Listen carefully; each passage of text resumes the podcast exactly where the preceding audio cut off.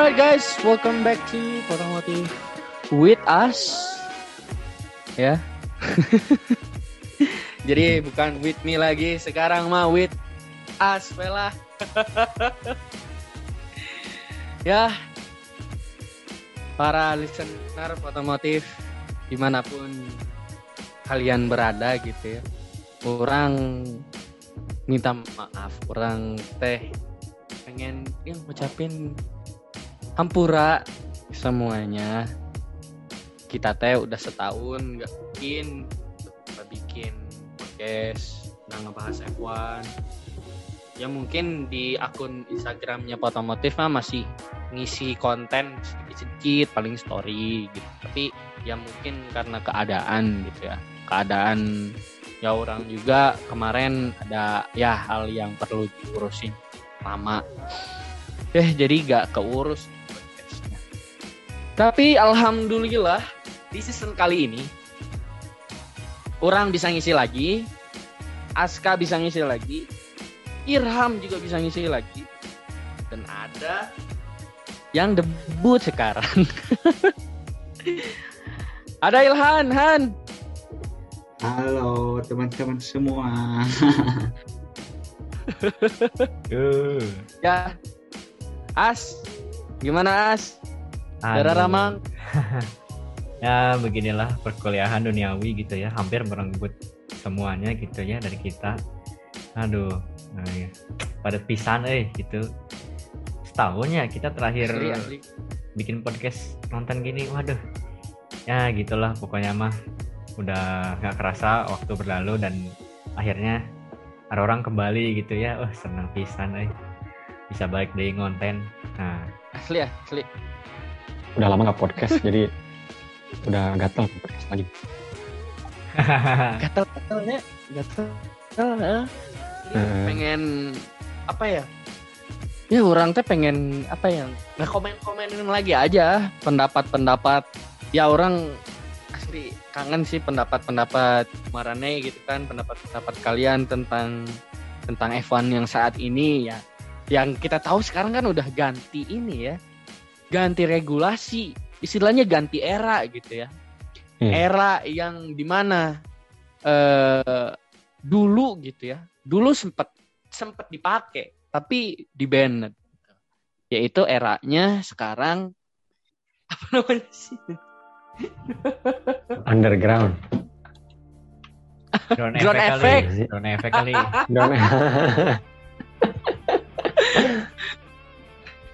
underground. Effect. Dikira NFS Underground. underground, Nah, Ah. game jadul itu. Underground. Ya. Ada berita-berita menarik ya. Ada update-update menarik soal eh, update regulasi ini.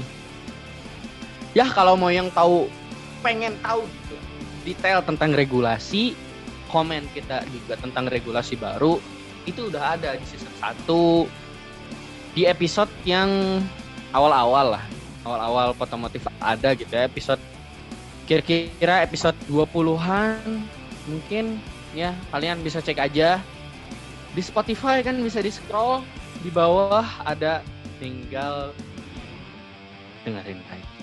Alright. Sekarang kita masuk ke pembahasan yang lagi anget nih. Yang lagi anget adalah Has ya. Has nih. Has dari tahun 2019 tahun 2020, tahun 2021, kalau kata Coach Justin bapuknya minta ampun.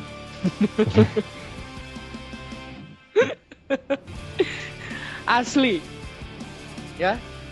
Orang dari orang ya. Dari orang Hah. dulu ya. Kalau menurut orang khas nih, khas. Dari tahun 2019 ketipu sama abang-abang jenggotan.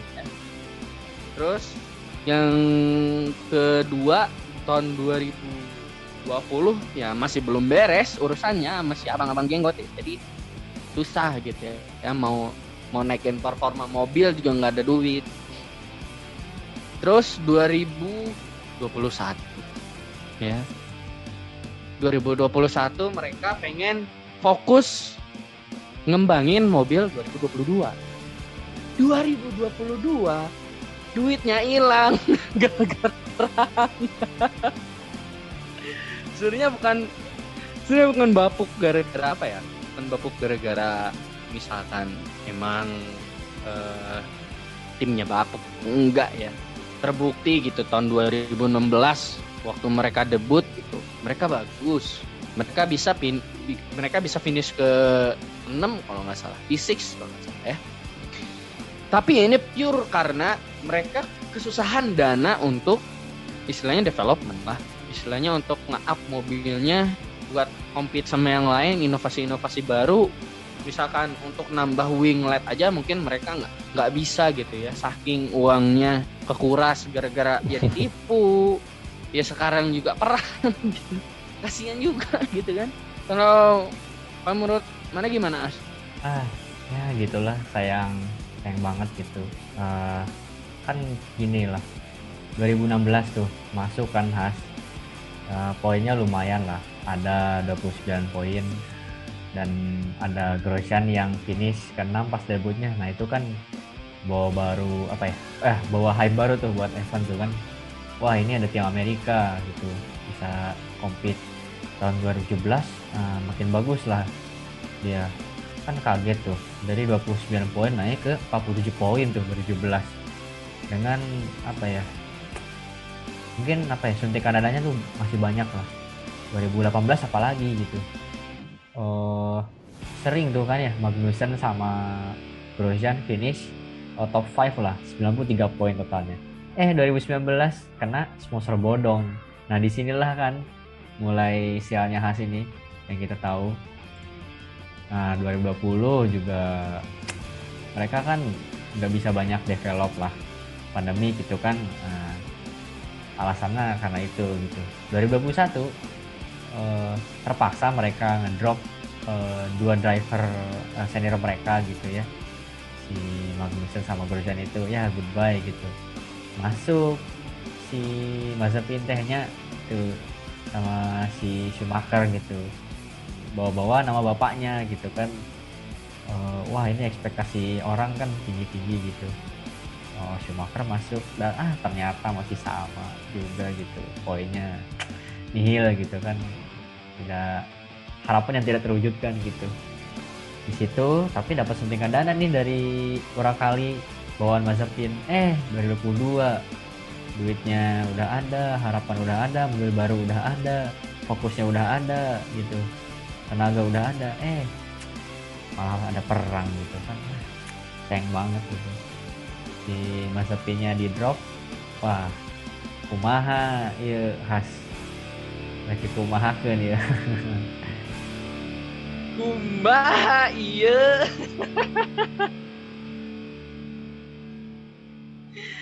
Aduh ya. Kalau orang ingat gitu ya 2019 itu khas ditipu sama apa namanya Rich Energy. Tipu sama Rich Energy ya. Ah 11 12 lah sama kasus sekarang kan yang lagi viral di Indonesia gitu.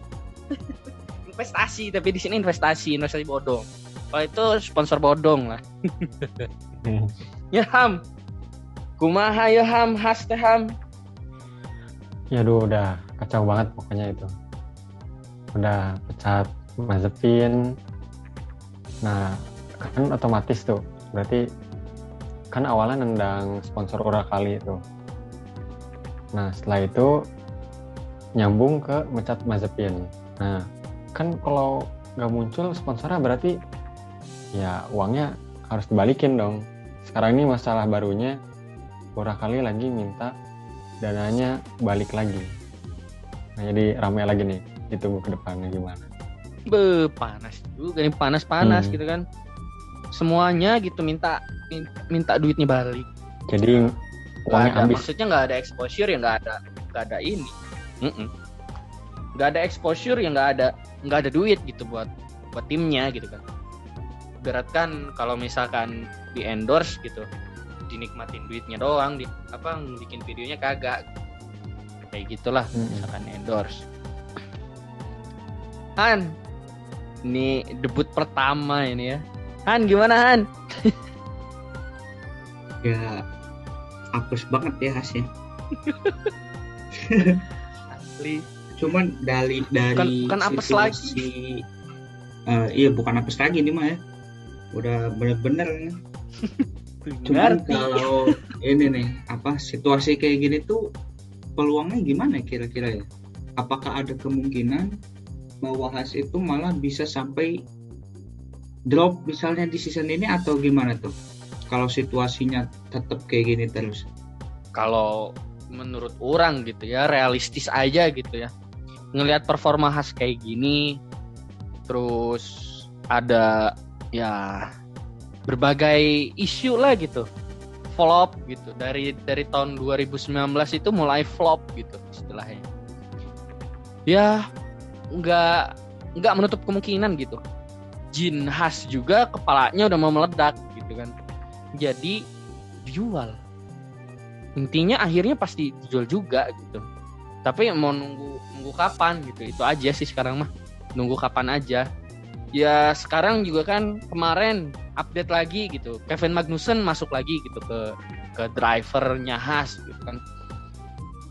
Tapi apakah Kevin Magnussen bisa buat Haas jaya lagi? Ya menurut orang enggak. Soalnya dia udah berapa season off dari F1 gitu. Udah udah semusim off. Mobilnya juga udah beda. Filosofi balapnya juga pasti beda jauh bawa mobilnya juga beda gitu kan. Ya pasti nggak akan segacor yang kemarin gitu. Kevin Magnussen yang dulu ya Kevin Magnussen yang dulu. Yang waktu di McLaren waktu masuk ke Haas ya. Kalau mobilnya gitu-gitu aja ya performanya pasti gitu-gitu aja.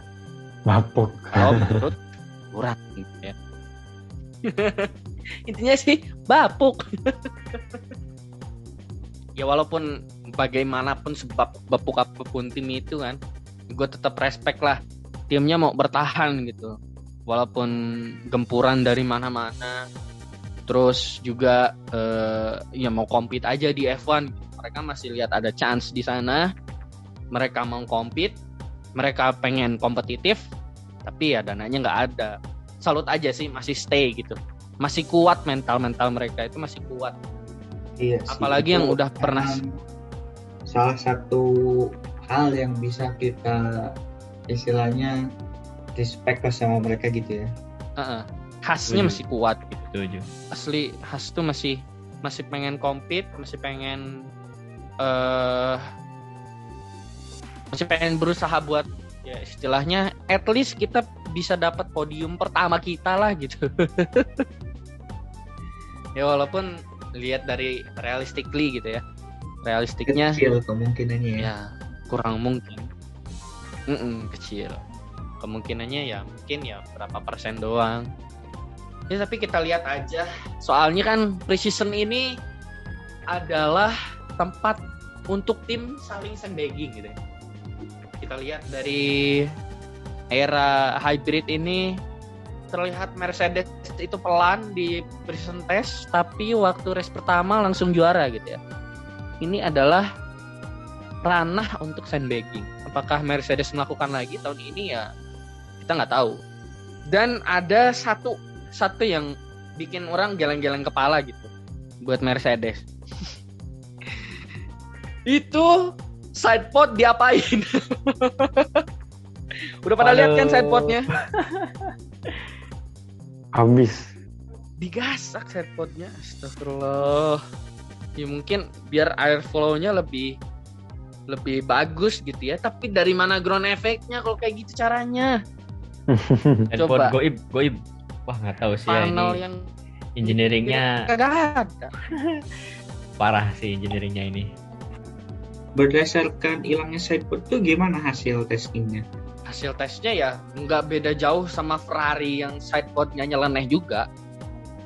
Sidepodnya kayak kolam renang, yang satu sidepodnya kayak kolam renang, yang satu sidepodnya dipapas abis gitu. Ferrari sidepod kayak kolam renang nggak? Kayak apa ya? Kayak tempat pemandian. Iya sih, ngelihatnya juga ya mungkin itu satu apa ya striking geniusnya dari apa ya dari dari para engineering daripada engineer engineer Ferrari gitu ya yang mungkin udah kesel juga sama Binotto gitu. Ya timnya terlalu apa ya terlalu ah istilahnya idealis dengan dengan semua orang Italinya gitu. Mau compete ya dari dulu sih kurang udah bilangnya dari tahun-tahun kemarin gitu. Ferrari mau compete lebih bagus ambil orang Jerman ambil orang eh, Inggris gitu buat engineering. Kalau orang-orang Italia gitu-gitu aja ya. Orang-orang itu lagi ya itu lagi. Gimana as? Tentang side pod side pod per side potan di F1 yang mungkin mulai nyeleneh-nyeleneh sekarang. Per side podan duniawi ini ternyata rumahnya. Ya kan katanya 2022 ini regulasinya lebih ketat. Katanya mah gitu ya kata itu terus lebih biar lebih kompetitif gitu kan alasannya mah. Eh tapi eh nah jadi arah-arah kieu gitu kan. Aneh gitu ada yang benar-benar dia eh, kalau dalam bahasa Inggrisnya itu occupy a big area gitu. Jadi kumanya ngambil eh, luas permukaan eh, yang sangat besar gitu. Ya ya tujuannya mungkin main-main sama si airflow-nya. Karena kan eh, floor-nya dipotong ya. Terus eh, aliran dari front wing-nya juga kan Yoi. berbeda gitu dari yang tahun kemarin. Jadi mereka bisa lebih mainin di side pod daripada di front wing. Karena kan di front wing itu oh, homologasinya ada lagi di situ. Jadi eh, terpisah lah istilahnya dari pembahasan kita gitu. Nah ya itulah salah satu eh, effort dari para tim supaya bisa compete lebih. Tapi eh, menurut si Charles Leclerc mah ya eh, dirty air itu masih kerasa masih kerasa keras gitu. Misal eh, dia follow mobil di depan itu 5 detik 3 detik udah 2 detik. Nah ada di satu eh, segmen gitu yang menurut dia wah ini mah masih parah euy gitu ngecek bahasa orang mah wah ini masih parah si eh, dirty air masih belum teratasi gitu. Karena yaitu yang dia rasakan ketika kemarin di testing eh, mengikuti siapa ya dia iseng-iseng tuh kan cari angin gitunya dari eh, orang yang lagi latihan gitu di depan. Oh langsung udah ngikutin tut eh ternyata dirty masih kerasa. Aduh kumaha ya teh. Ya begitulah ya eh sebelum lanjut jangan lupa juga follow Instagram Potomotif at Potomotif ya. Dan juga eh, jangan lupa juga semuanya di follow juga di Spotify di Google Podcast Apple Podcast semua platform podcast yang kalian dengerin ada Potomotif ya. Jangan lupa di follow. Biar kalian gak ketinggalan update-update informasi roastingan-roastingan mungkin. Dan nanti juga ada pembahasan-pembahasan yang menarik tentang dunia motorsport. Bukan cuma F1 aja gitu ya. So kita lanjut ke pembahasan lagi. Gimana Ham? Kalau dilihat dari desainnya sih kayaknya tujuannya ngurangin dragnya gitu ya. Jadi kan semakin kecil sidepodnya, dragnya juga semakin berkurang. Nah, cuman kalau dari eh, sisi cooling ke engine-nya sih, nah nggak tahu tuh apakah bakal terdinginkan dengan baik atau enggaknya tuh. Cuman kayaknya nggak bakal dibawa ke race Bahrain kayaknya deh. Nggak bakal dibawa ke round pertama nanti kayaknya. Mungkin ya cuman nggak tahu juga. Dilihat-lihat sih enggak sih. Prototype kayaknya. Hmm. Ya soalnya kayak apa ya kelihatan riskan gitu. Cuman ya gitu sih. Segala kemungkinan bisa terjadi. Ya di F1 ini selalu banyak yang bikin apa ya ngagetin gitu. Bukan cuma dari regulasi gitu kan. Dan dari drivernya sendiri gitu. Dari drivernya eh, bisa dari sikap dari steward gitu kan. Kita lihat Abu Dhabi kemarin regulasi tiba-tiba diganti tengah race. Gimana ya? Alonso tiba-tiba masuk. Padahal yang kita kira udah habis gitu ya. Alonso itu tahun 2000 ya, tahun 2016 2017 udah habis gitu ya. Kelihatannya Hmm. gitu. Tapi diambil lagi tuh sama Alvin. Nah, itu, Itu- F1 ngagetin sebenarnya sih. Itu karena nggak nggak nggak apa jadi nggak nutup kemungkinan. Oh itu Alonso karena McLaren-nya jelek aja sih itu. McLaren jelek ya. Ya mungkin karena Hmm. McLarennya jelek gitu kan. Dia jadi kelihatannya udah habis ya tapi ya mungkin juga dianya sekarang gitu ya. Udah umurnya udah ya istilahnya kalau misalkan atlet itu atletnya udah aki-aki gitu ya. Ya Hmm. mungkin compete-nya udah nggak sekompet dulu udah refleksnya udah nggak sebagus dulu gitu. Lihat aja Kubika gitu. Ya tapi Kubika sih gara-gara gara-gara apa? Gara-gara kecelakaan gitu ya. Hmm. Heeh. Heeh. masih masih bisa ditolerir sama sama orang juga masih bisa ditolerir gitu ya kelihatan tapi kalau Alonso gitu ya kalau Alonso mah kayak Kimi gitu lah Kimi sama Alonso gitu buat apa sih mereka di hire gitu? Mending nge-hire driver yang muda. Tapi sebenarnya bener gak sih? di di F1 tuh kan nggak kenal umur sebenarnya. Orang 40 40 lebih aja masih bisa F1 terus Mansell aja bisa juara driver championship di umur 40 itulah F1 nggak Jadi mengenal sangat tidak- umur kadang-kadang rekor rekor rekor yang dipegang Ma Mansell itu kan ya driver tertua yang pernah yang Mm-mm. pernah juara dunia F1 gitu. Masuknya hampir modern era dia bisa compete gitu kan. Kuat sama G-Force gitu ya. Mungkin sering olahraga juga. Ya siapa tahu gitu. Apalagi sekarang udah teknologinya udah bisa eh, lebih maju gitu ya dari dulu gitu jadi yang nge-gym juga bisa lebih aktif lagi nge-gymnya bisa lebih efektif lagi gitu. Bikin masa ototnya gitu kan. Ya bisa lebih Ilmu- kuat lagi lah. ilmu ininya ya. Ilmu ilmu kebugaran jasmaninya. Udah lebih maju sekarang. Udah lebih maju.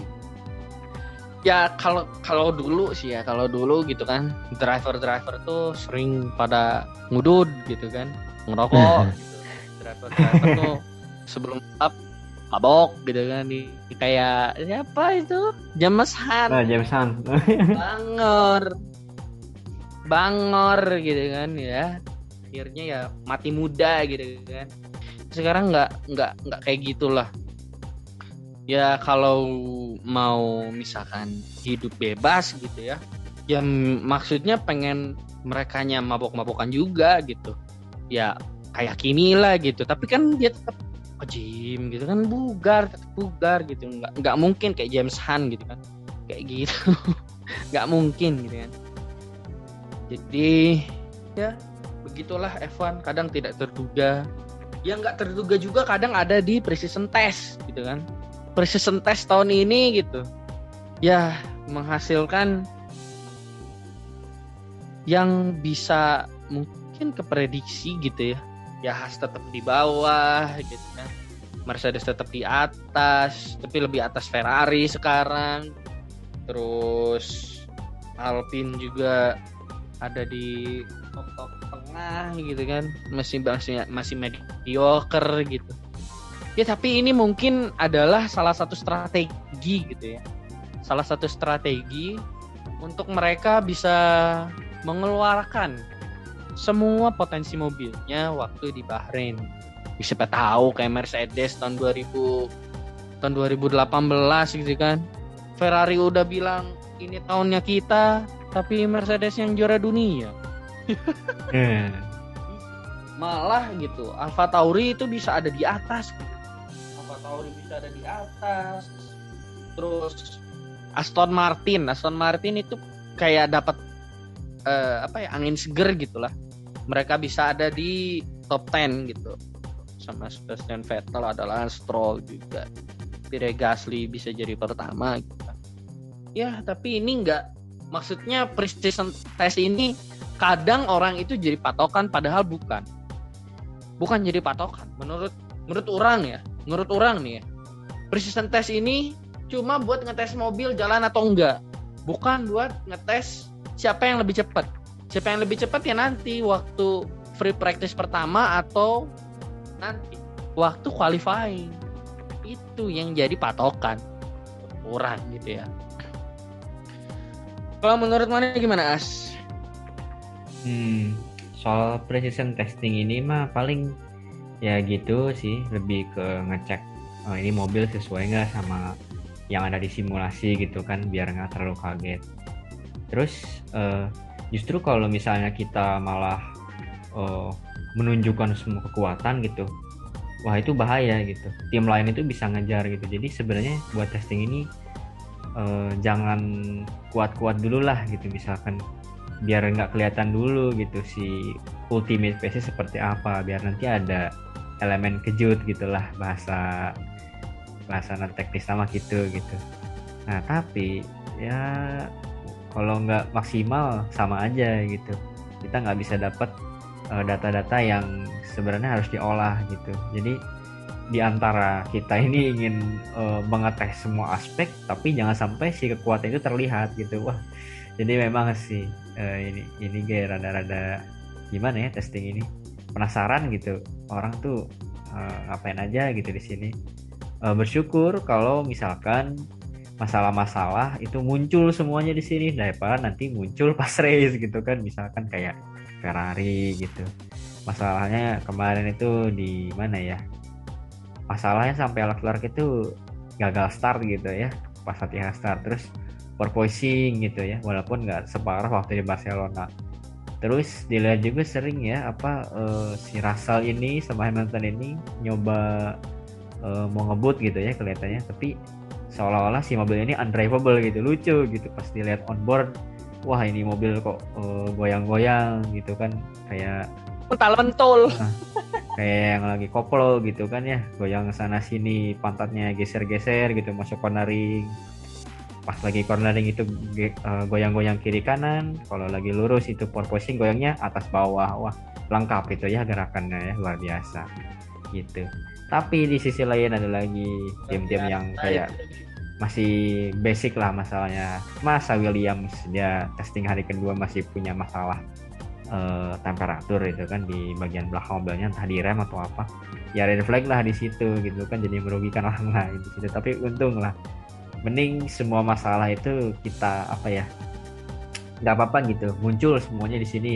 Semuanya wah front wing misalkan masalah uh, suspensi masalah rear wing masalah steering issue bermasalah situ. Uh, terus paling apa lagi ya temperatur issue lah. Sampai ada yang kebakaran gitu. Mending nggak apa-apa lah. Semuanya ketahuan di sini. Diberesin satu-satu mumpung ada waktu. Daripada nanti pas race gitu kan malah ngelawak lagi gitu. Kayak kayak apa tuh? Kayak khas tahun kemarin gitu kan. Jadi ya ba jangan banyak apa ya alasan lah istilahnya. Buat nanti uh, season udah mulai masalah ini itu. Nah mending sekarang ya nggak apa-apa semua masalah keluar dan memang harus keluar gitu mending ketahuan sekarang daripada nanti wah paling gitu aja sih oke tapi ya orang punya pikiran gitu ya. Di sini itu di pre-season test ini dibuat seolah-olah mobilnya bermasalah. Tapi mereka punya inovasi yang nggak dipunyain sama tim lain. Tapi dibilangnya masalah. Jadi yang masalah ini tuh ya hanya untuk apa? Untuk background aja supaya mereka bisa memasang komponen yang baru gitu. Wow. Kadang ada yang seperti itu. Jadi perang psikologi gitu ya perang psikologi perang psikologi akhirnya ada yang menang ada yang kalah gitu kan yang menangnya misalkan tim yang punya inovasi baru gitu ya who knows gitu gimana Ham paling kalau uh, pendapat dari hasil presentasi sama kayak mana gitu kan. Karena ya Mick Schumacher aja bisa top 10 gitu. Terus Albon bisa ya gitu top masuk top 5 jadi nggak nentu banget lah. Soalnya rata-rata juga dari tahun kemarin kan Ferrari nggak apa nggak di peringkat pertama bisa konstruktor bisa kedua Mercedes juga gitu Red Bull juga sama. Ya gitu sih paling. Sebenarnya orang juga sangat setuju sih sama pendapat-pendapat yang tadi udah disebutin. Pertama kan emang precision testing itu gak bisa lah dipakai buat patokan gitu untuk performa dari masing-masing tim untuk uh, season ini gitu. Terus menarik juga tadi kan di bawah bisa jadi ini tuh uh, sebenarnya masalahnya cuma dipakai buat background untuk memasukkan inovasi baru. Itu juga suatu hal yang sangat menarik. Tapi pada akhirnya memang precision testing itu juga memang kayak yang tadi disebutin cuma untuk mengetahui masalah-masalah apa yang ada di mobil yang baru ini. Kan ini kan mobil baru baru. Jadi untuk melihat sesuai nggak nih sama apa yang sudah diperhitungkan sebelumnya saat mobil itu dibuat dan dirancang gitu sih siap Mantap. siap, siap. ya untuk precision testing gitu ya precision testing ini ya mungkin ada orang yang bilang gitu untuk patokan ya beberapa pandit ya pandit di luar sana gitu pandit-pandit luar negeri gitu ada yang bilang mungkin juga netizennya ada yang bilang juga bisa jadi patokan segala macam. Kita gitu ya kita pandit-pandit di otomotif gitu nggak nggak akan bilang kayak gitu. Ini nggak nggak logis gitu lah. Ya. Mengatakan ya orang-orang ngatain bisa dijadiin patokan Ferrari gitu ya. Ferrari it's eh, it's Ferrari gear gitu segala macam. Aduh. Kalau Ferrari mungkin Itulah itu perjalanan. karena udah ini apa udah kesel juga ya dari tahun-tahun kemarinnya. Ya mungkin pandit-pandit yang bilang Ferrari ya Ferrari bakal bangkit Ferrari segala macam ya itu mungkin pendukung Ferrari juga fetish per Ferrari gitu kalau orang sendiri mah orang netral gitu ya.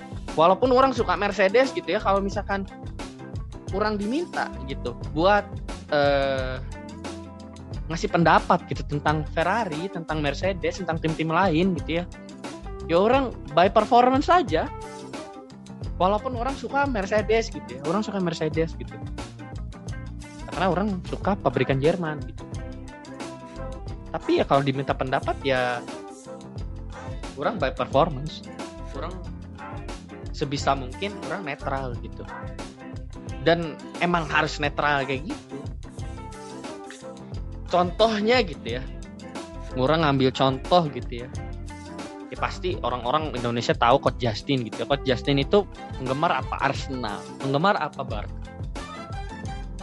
Waktu diminta eh, diminta pendapat soal Arsenal gitu ya. Ya Arsenal main bapuk gitu sih berani. Dia bilangnya main bapuk juga gitu. Ini netral gitu. Walaupun fansnya Arsenal. Orang juga diminta buat pendapat orang tentang Mercedes kalau Mercedes kalau Mercedes performanya jelek gitu. Orang bilang jelek. Orang bilang Mercedes jelek. Walaupun orang fansnya orang tetap itulah perjalanan precision test dan juga informasi-informasi yang bisa kita ambil gitu, untuk season ini